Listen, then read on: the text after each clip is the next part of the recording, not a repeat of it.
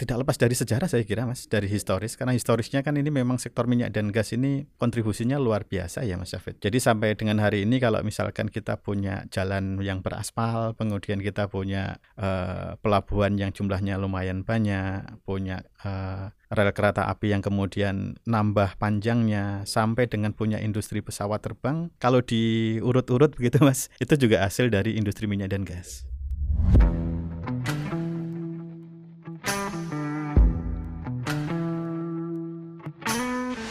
Pojok Energi.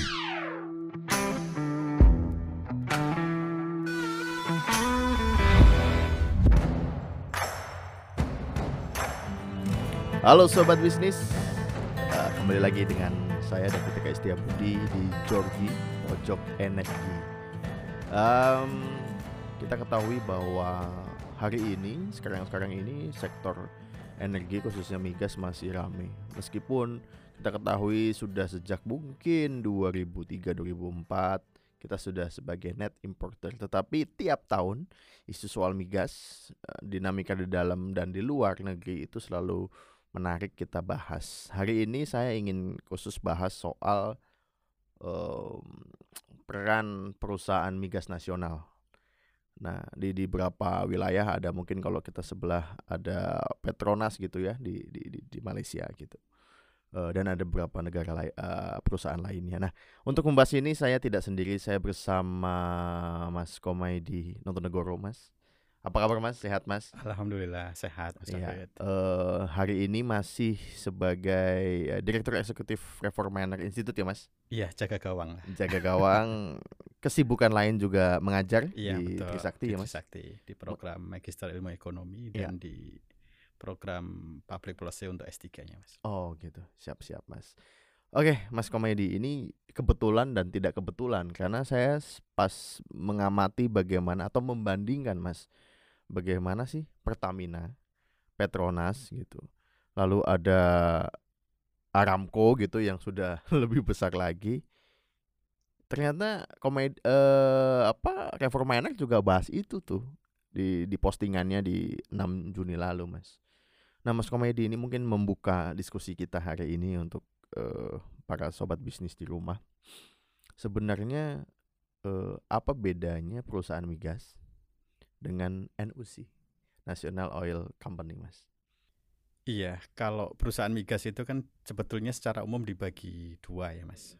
Secara kepemilikan ada yang milik negara atau BUMN, ada yang kemudian swasta atau IOC begitu ya International Oil Company yang mungkin kalau kita lihat nama-nama besar ada Chevron, ada Exxon, ada ConocoPhillips itu adalah yang IOC ya Mas. Nah ini ada pergeseran di dalam perkembangannya Mas. Kalau dulu di awal-awal uh, migas ini diusahakan sebagian besar cadangan dan produksi itu dikuasai oleh IOC tetapi sekarang dikuasai oleh NOC itu kisaran mungkin 65-70 persen sekarang uh, eh, NOC. Jadi perusahaan-perusahaan atau BUMN-BUMN ini sekarang ini menguasai cadangan.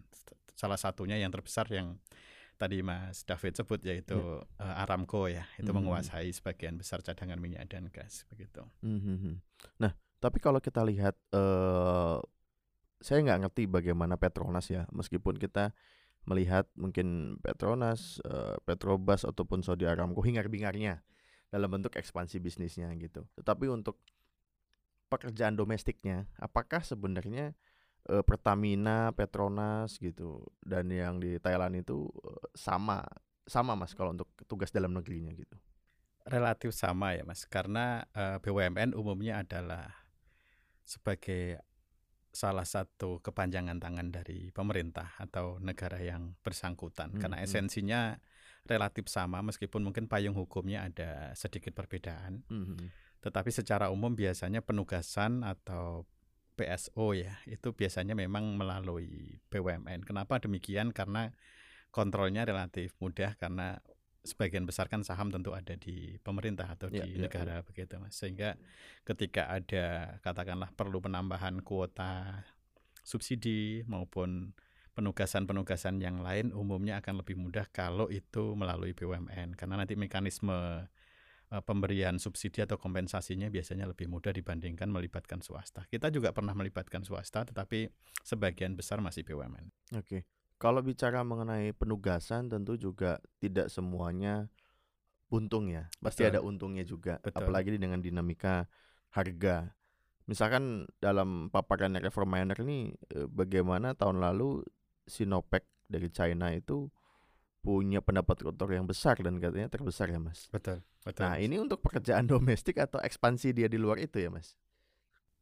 Itu in total ya mas sebagian besar ekspansi memang Mhm. Eh, seperti Petronas kan juga sebagian iya, iya. besar ekspansi mereka Mhm. sudah punya wilayah kerja di beberapa negara Indonesia Mhm. juga Pertamina sebetulnya juga sudah punya kalau nggak Mhm. salah di enam atau tujuh negara Iya. Mhm. tetapi yang membedakan kalau Petronas dan Sinopec cukup ekspansif kita eh, relatif agak terhambat jalannya karena memang sebagian besar atau politik penganggarannya agak berbeda ya Mas David jadi kalau Petronas itu gambarannya eh, sekitar 60% marginnya dari Petronas itu kembali ke mereka untuk direinvestmentkan begitu keputusannya. Nah, sementara kalau di Indonesia mungkin 80% keuntungan Pertamina harus ke APBN, Mas.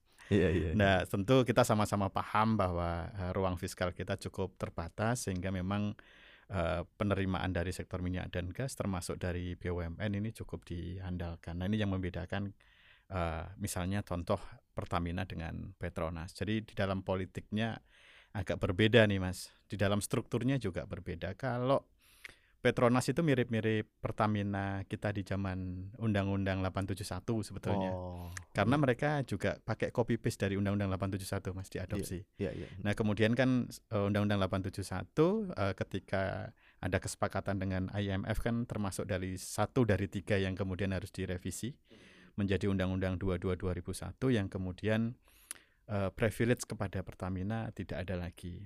Kemudian muncul yang namanya BP Migas pada saat itu yang kemudian sekarang eh, bereinkarnasi menjadi SKK Migas begitu oh, Mas. Iya iya. Jadi sejarahnya kira-kira demikian dan ada perbedaan. Mhm. Jadi dari situlah eh, kita tidak bisa membandingkan eh, NOC-nya Indonesia dengan NOC-nya negara lain gitu ya Mas ya. Kira-kira Iya, itu ya. sa- saya kira kalau mau dibandingkan harus apple to apple policy-nya sebetulnya, Mas. Oh. Misalnya oke. kita bandingkan Pertamina dengan Petronas begitu. Mhm. Nah, policy-nya government-nya Malaysia terhadap Petronas sama tidak dengan Mhm. eh, policy-nya government Indonesia terhadap Pertamina. Kalau Mhm. tidak sama tentu nggak bisa dibandingkan. Iya iya iya. Nah, di dalam konteks struktur kan tidak sama karena Petronas itu sekarang langsung di bawah Perdana Menteri, Mas. Kalau di Malaysia. Nah, kalau dulu Pertamina kan pertanggungjawabannya juga langsung kepada presiden. Nah, kalau sekarang kan tidak. setingkat menteri lah ya bahasanya betul, begitu. Mhm. betul. Jadi memiliki keleluasaan dan memang Mhm. salah satu sebagai agen pembangunan kan juga waktu itu fungsi Pertamina untuk melaksanakan itu di Mhm. awal-awal pembangunan. Iya iya. Dan kalau Mas David eh, lihat angka atau data di tahun-tahun yang lalu begitu ya, itu kan penerimaan minyak dan gas itu sekitar 60% terhadap total penerimaan negara dan hibah, Mas. Dan ekspor migas itu pernah mencatatkan sekitar 80% terhadap total ekspor Indonesia. Jadi betapa peran pentingnya yang sangat signifikan dari minyak dan gas pada saat itu dan mekanismenya kan saat itu semuanya eh, dikontrol by Pertamina karena semua wilayah pertambangan dari hulu sampai dengan hilir di seluruh wilayah Indonesia itu adalah punya negara yang kemudian kuasa pengusahaannya diserahkan kepada Pertamina termasuk nanti kontraktor-kontraktor asing kan bertanggung jawabnya atau bekerjanya pada Pertamina begitu. Nah, itu kenapa peran Pertamina pada saat itu mirip-mirip dengan peran Petronas pada saat ini di Malaysia. Iya iya. Kalau kalau bicara seperti itu Mas, berarti sebenarnya uangnya Petronas atau PTT PTT Thailand ya. selain di dalam negeri di mana saja Mas dipunya? Mereka ada di beberapa di Amerika Latin ada. Ada juga ya? Ada Hmm. juga. Di Hmm. Australia juga ada gitu. Nah, itu berarti bisa dikatakan perusahaan-perusahaan ini bawa uang yang cukup besar juga ke, ke dalam negeri ya Mas ya. Betul. Devisanya ya. Betul.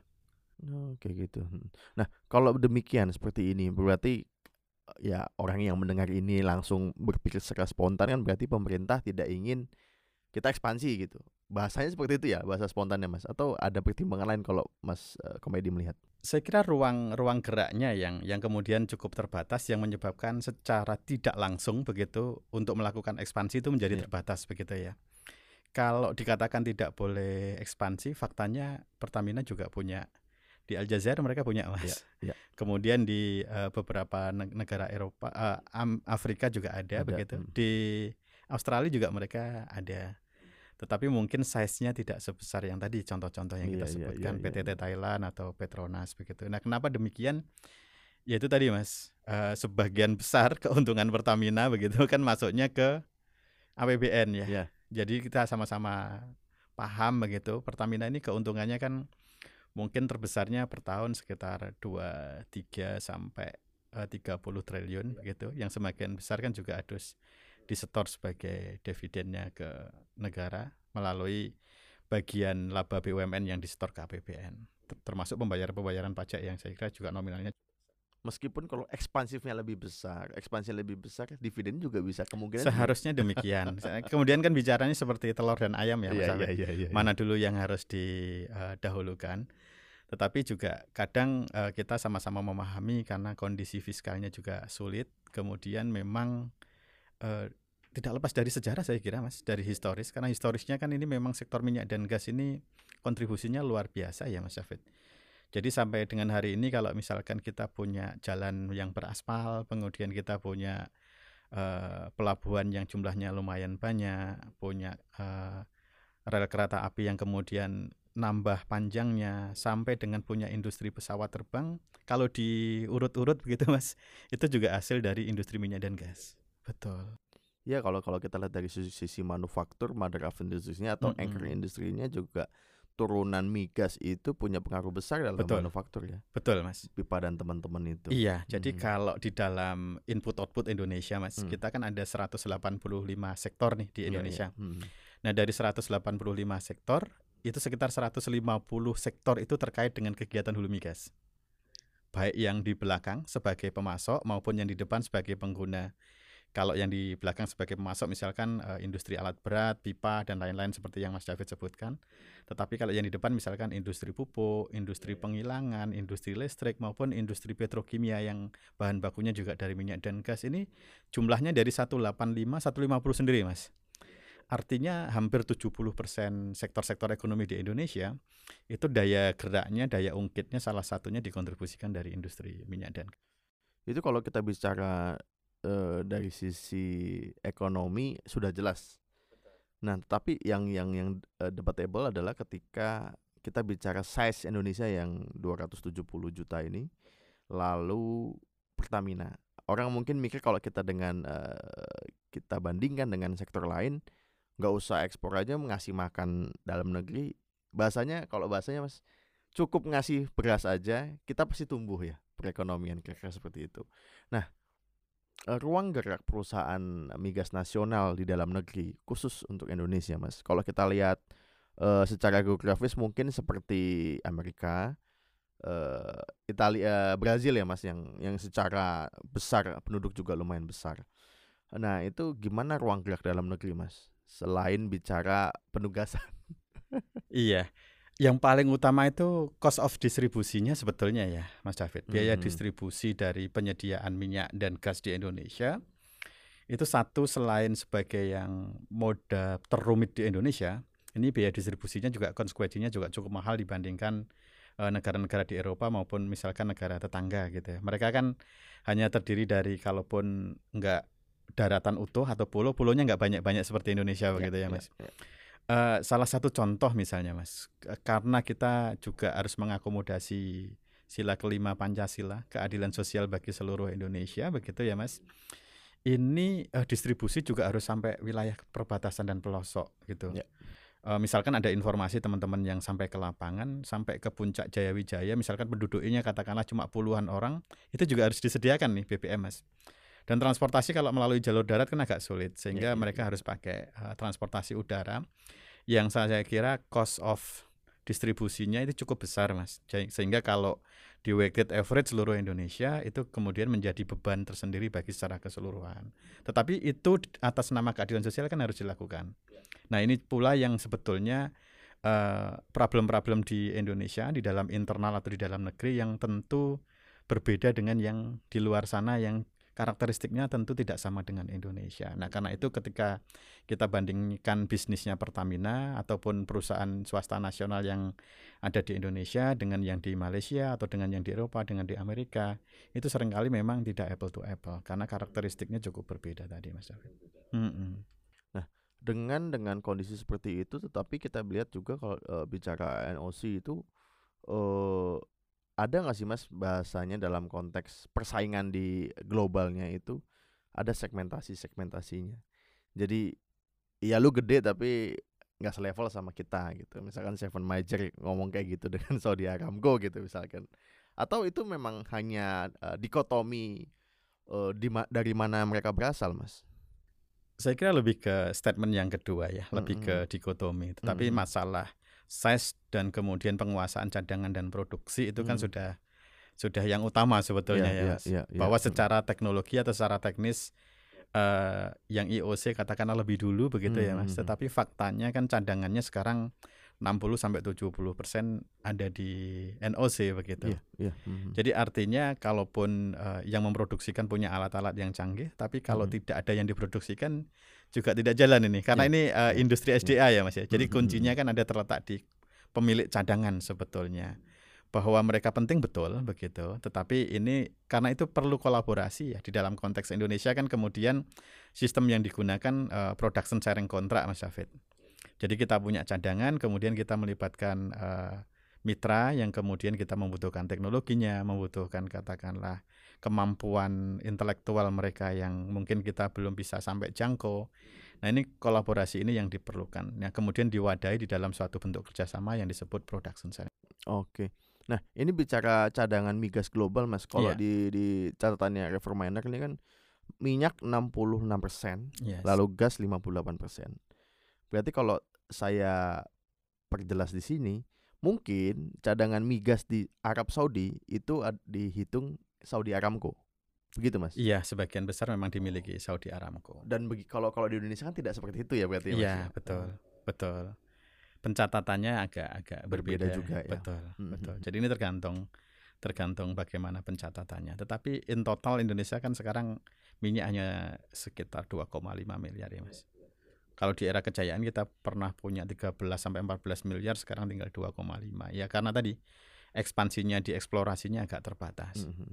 Lalu apa perbedaan Mas? Adakah apa ya kalau kita bicara lanskap industri migas ke depan di kita jadi fakta bahwa kita minus juga produksinya semakin turun.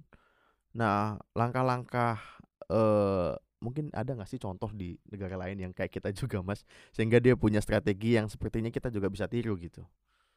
Iya. Saya kira negara-negara di Amerika Latin adalah beberapa negara yang perlu kita perhatikan ya mas ya. Misalkan seperti Argentina Brasil kan juga mirip-mirip karakteristiknya dengan kita begitu.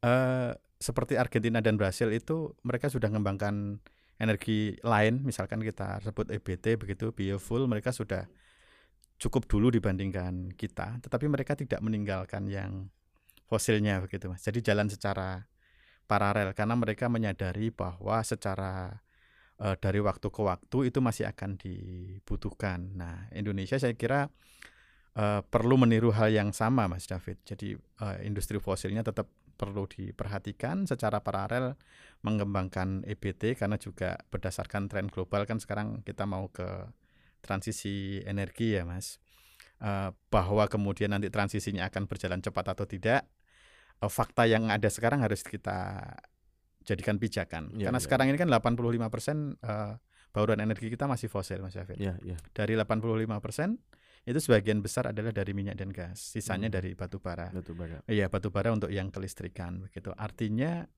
uh, boleh kita menatap masa depan tetapi jangan melupakan sekarang kita sedang berpijak di mana karena sebagian besar dari fosil ya kita harus hati-hati di dalam melakukan pengelolaan itu begitu. Iya. Kalau bicara udah karena Mas Komedi menyinggung EBT saya juga nyinggung transisi energi. Salah satu transisi campaign transisi energi adalah penggunaan listrik yang lebih besar. Kalau di Indonesia penggunaan listrik yang lebih besar sama dengan penggunaan pembangkit atau produksi pembangkit yang lebih besar juga. Konsekuensinya kan tentunya umur fosil tambah panjang di iya, Indonesia. Betul. Mungkin substitusi energi ininya ya Mas ya, penggunaannya ya berbeda ya. Betul. Ya, ke depan kan kemudian eh, kalau idealnya sebetulnya Mas David, kalau memang kita mau transisi energi seharusnya di hulunya juga bergeser ke yang EBT atau yang lebih mendekati Ya, green ya, ya. begitu ya. Hmm. Potensinya kan kita punya lumayan besar sebetulnya. Kita punya surya yang eh, paling tidak menyinarinya lebih lama dibandingkan kawasan yang lain. Kemudian kita punya PLTA yang sudah dikembangkan. Saya kira potensinya juga masih ada begitu. Iya, angin juga kita punya. Dan satu lagi kita punya panas bumi merupakan cadangan terbesar kedua di dunia setelah Amerika. Kita punya cadangannya mungkin sekitar 29 sampai 30 giga ya Mas ya. Jadi sekitar separuh dari kapasitas terpasang listrik nasional saat ini yang dilaporkan sebesar 60 giga begitu. Dan kalau ditambah itu optimal 100% kan sebetulnya kita luar biasa begitu. Tapi lagi-lagi masalahnya masalah bisnis nih Mas. Jadi kalau EBT ini sering kali kan lebih mahal dibandingkan yang fosil. Kenapa demikian? Sederhana sebetulnya. Kalau unit bisnis yang setupnya sudah duluan, karena fixed cost-nya sudah Ya. terbagi oleh quantity of product kan otomatis secara hitung-hitungan dia lebih murah begitu. Iya.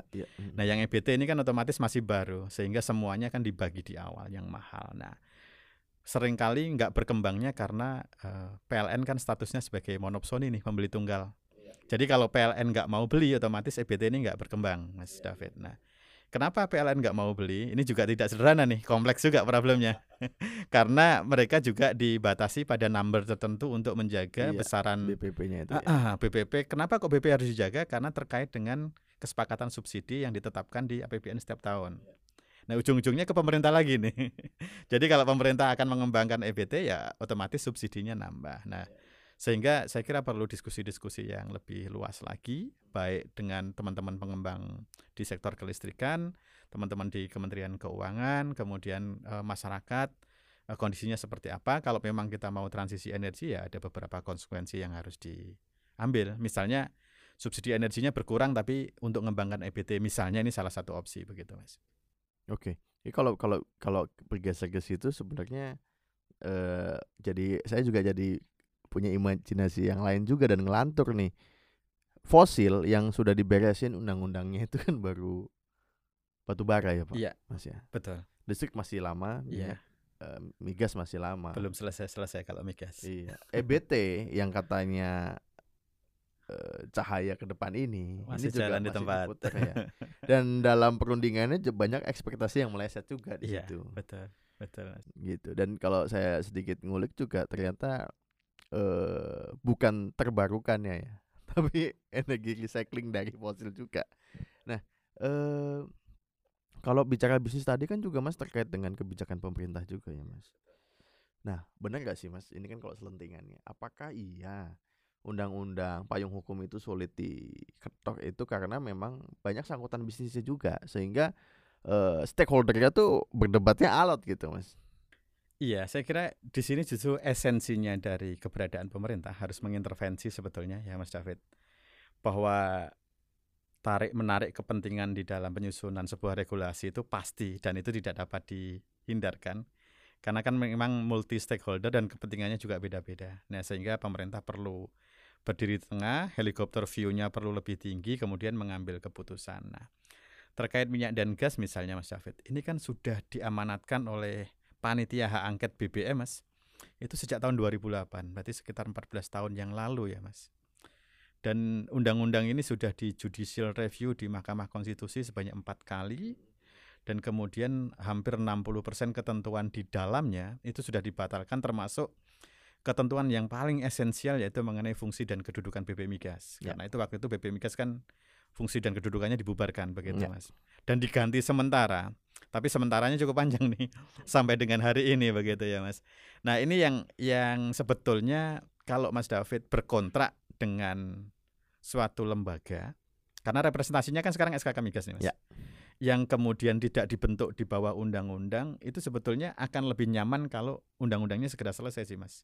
Siapa pun itu nanti yang akan menjadi representasi dari negara. Nah ini saya kira wujud dari keseriusan eh, pemerintah atau negara saya kita bersama ya karena juga ini inisiatifnya kan inisiatif parlemen sebetulnya Iya, mas Iya, iya. dan nggak selesai-selesai dari tahun ke tahun begitu jadi kalau diskusi dengan Mas David gitu ya kalau ngobrol-ngobrol hampir tiap tahun saya kira ini masuk prolegnas masuk prolegnas Iya. tapi 14 tahun prolegnas nggak selesai Jadi akhirnya diskusinya adalah diskusi dari eh, lembaran kertas yang tulisannya draft dan itu baru satu pihak ya. betul betul karena kemudian dimnya sering kali belum sampai ke tahapan dim sudah melewati masa jabatan untuk periode Betul. berikutnya Ini Iya. berarti tinggal satu setengah tahun. Kalau Iya. pemilu presiden tuh Maret ya. betul betul ini kalau 14 tahun kan berarti sudah hampir tiga kali masa jabatan anggota DPR yang berbeda mas karena lima tahunan kan tambah satu ta- tahun lagi kan 15 tahun berarti sudah lima eh, tiga kali periode masa jabatan DPR yang berbeda dan tidak selesai Dan kalau kita lihat bahwa eh, bicara soal eh, kebijakan ini juga eh, apa ya? Sebenarnya kan kalau semakin lama tentu paradigma zaman teknologi itu berputar terus ya, Mas. Dan kalau kita agak miris saja ketika misalkan Indonesia dulu tuh orang belajar LNG di kita ya, Mas ya. betul Lalu mungkin tadi Mas Komedi sampaikan bahwa Petronas saja kayaknya copy paste dari undang-undang kita Betul. gitu. tapi lebih lebih di depan gitu ya Iya iya iya. iya. Nah kalau kalau kalau kalau hari ini kita bicara apalagi kemarin presiden tuh habis enak banget itu PLN sama Pertamina pakai subsidi. Saya pikir juga mungkin bapak juga lupa bahwa kalau nggak pakai subsidi nanti harganya ke mana-mana kira-kira begitu. Nah kalau lihat begitu. Sebenarnya akhirnya tidak menarik ya industri atau apa ya. Saya bicara mungkin kita bicara mungkin Pertamina aja. Eh, ruang ekspansinya tidak terlalu lentur kecuali yang beberapa tahun terakhir bicara soal transisi energi untuk EBT ini mas ya. Kalau tadi kan kita misalkan eh, kemarin wacana sub apa holding Panas Bumi eh, padam ya. Tidak jadi gitu. Terus eh, sementara kalau gas sudah jadi satu paket nah ini gimana supaya EBT apakah perusahaan-perusahaan yang dulunya berkecimpung di fosil bisa cepet larinya untuk ngomongin transisi ke EBT itu mas? Saya kira juga masih lihat tren global ya mas. Ini kan semuanya sebetulnya masalah bisnis ya.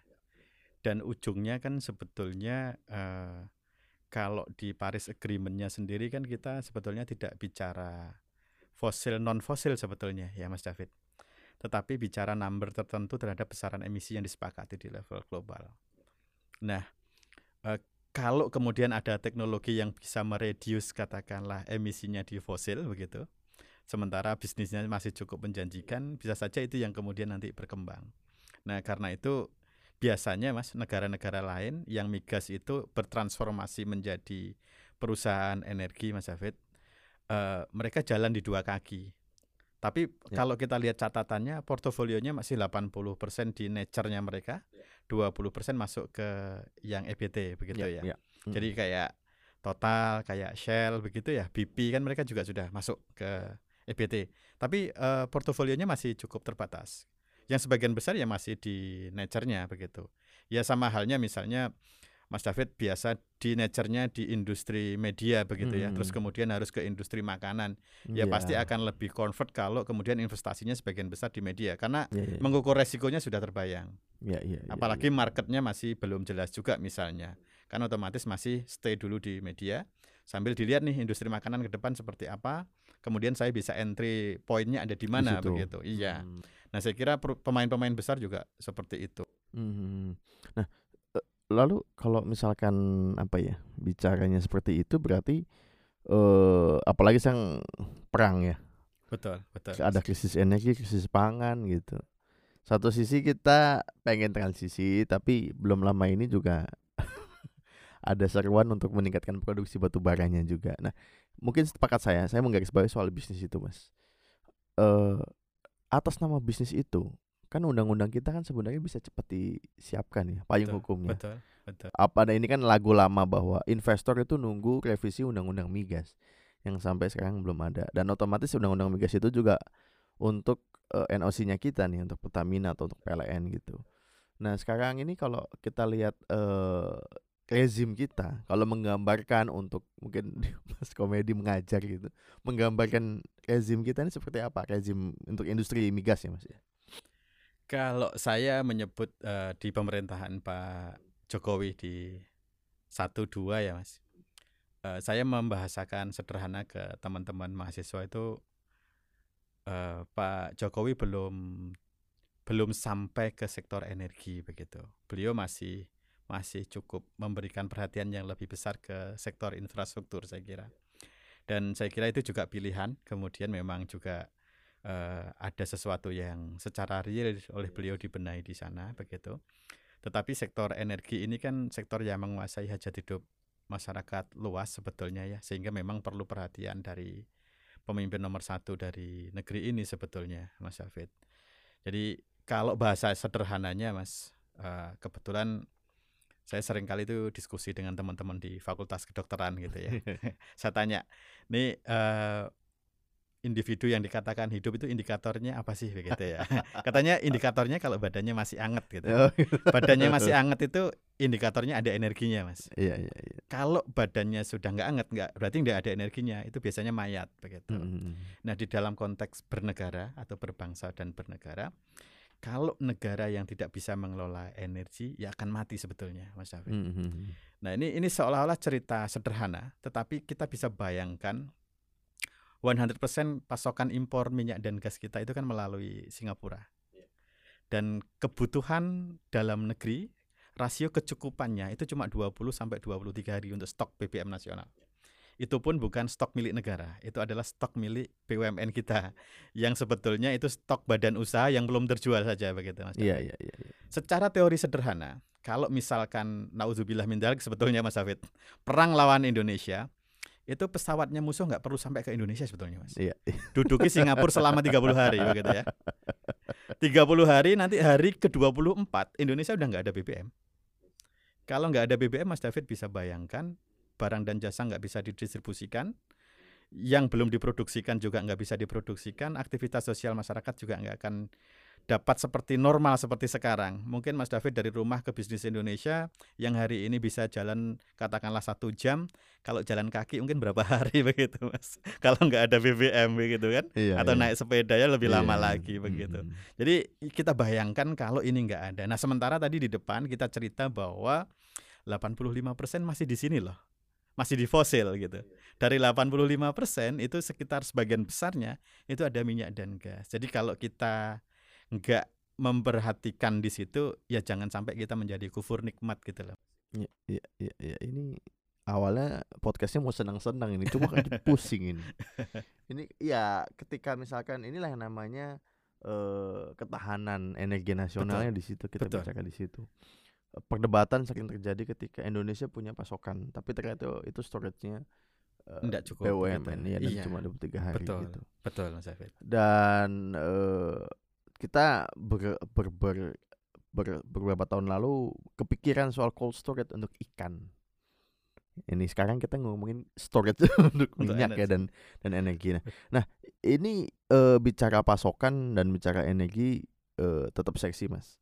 Tadi kalau mas e, komedi menyinggung sebenarnya bukan menjadi pilihan utama dalam pembangunan e, dua periode ini. Nah ini kita karena udah masuk tahun politik romantis nih mas belum juga menyinggung ya. Biasanya kan uh, ngomongin uh, energi ini sama dengan ekonomi makro dalam kampanye-kampanye itu semua. Tapi kalau dari mana sih Mas? Atau visi misi seperti apa? Ini agak jauh nih tapi visi misi seperti apa yang sepertinya uh, seseorang atau calon pemimpin kita ini punya uh, perhatian khusus ke sektor energi. Apa yang dikutip?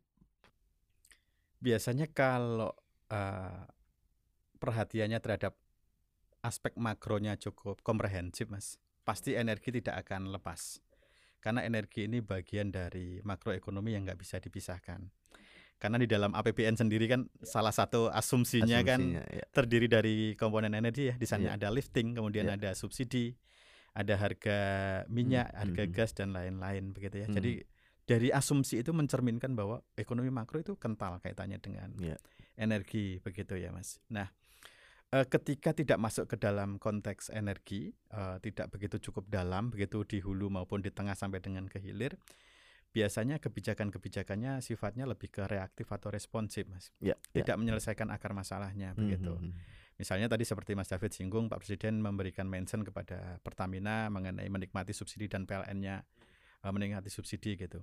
Bagaimana tidak menikmati subsidi karena mereka menjalankan PSO begitu loh Mas.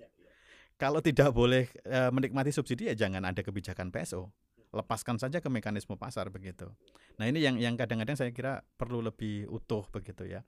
Mungkin konteks yang disampaikan oleh Pak Presiden pada saat itu adalah ayo Pertamina dan PLN bantu dong supaya PSO-nya nggak terlalu besar, subsidinya nggak terlalu besar, Hmm. efisien juga begitu. Iya, iya, iya. Itu saya kira message yang paling utama adalah sebetulnya itu. Tetapi kan ya Hmm. efisiensi kalau dilakukan kan kemudian bisa membantu mengurangi subsidi. Tetapi saya kira itu sebetulnya dua hal yang tidak tidak beririsan secara langsung sebetulnya, Mas. Subsidi satu hal berkaitan dengan eh, public policy, kebijakan di APBN dengan pemerintah, sementara efisiensi itu lebih berkaitan dengan kebijakan korporasi.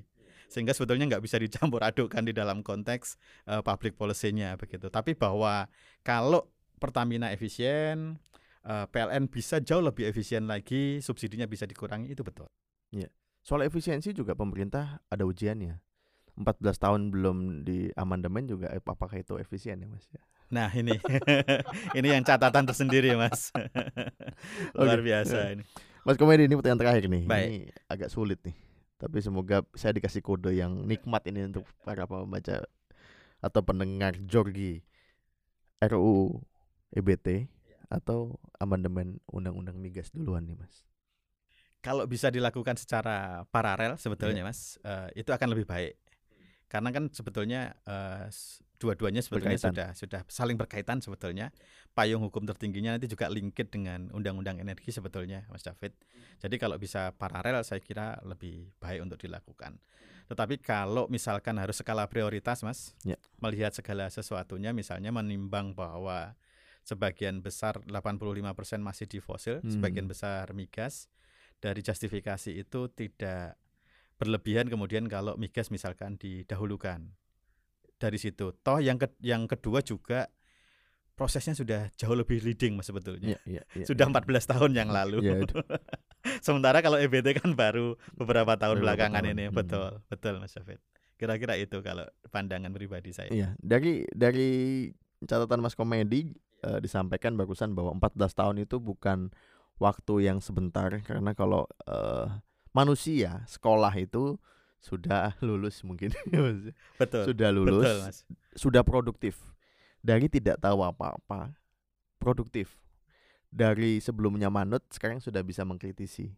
Tetapi undang-undang migas belum di amandemen juga. Selamat siang Mas Komedi. Terima kasih. Sampai jumpa sobat bisnis di Jorgi berikutnya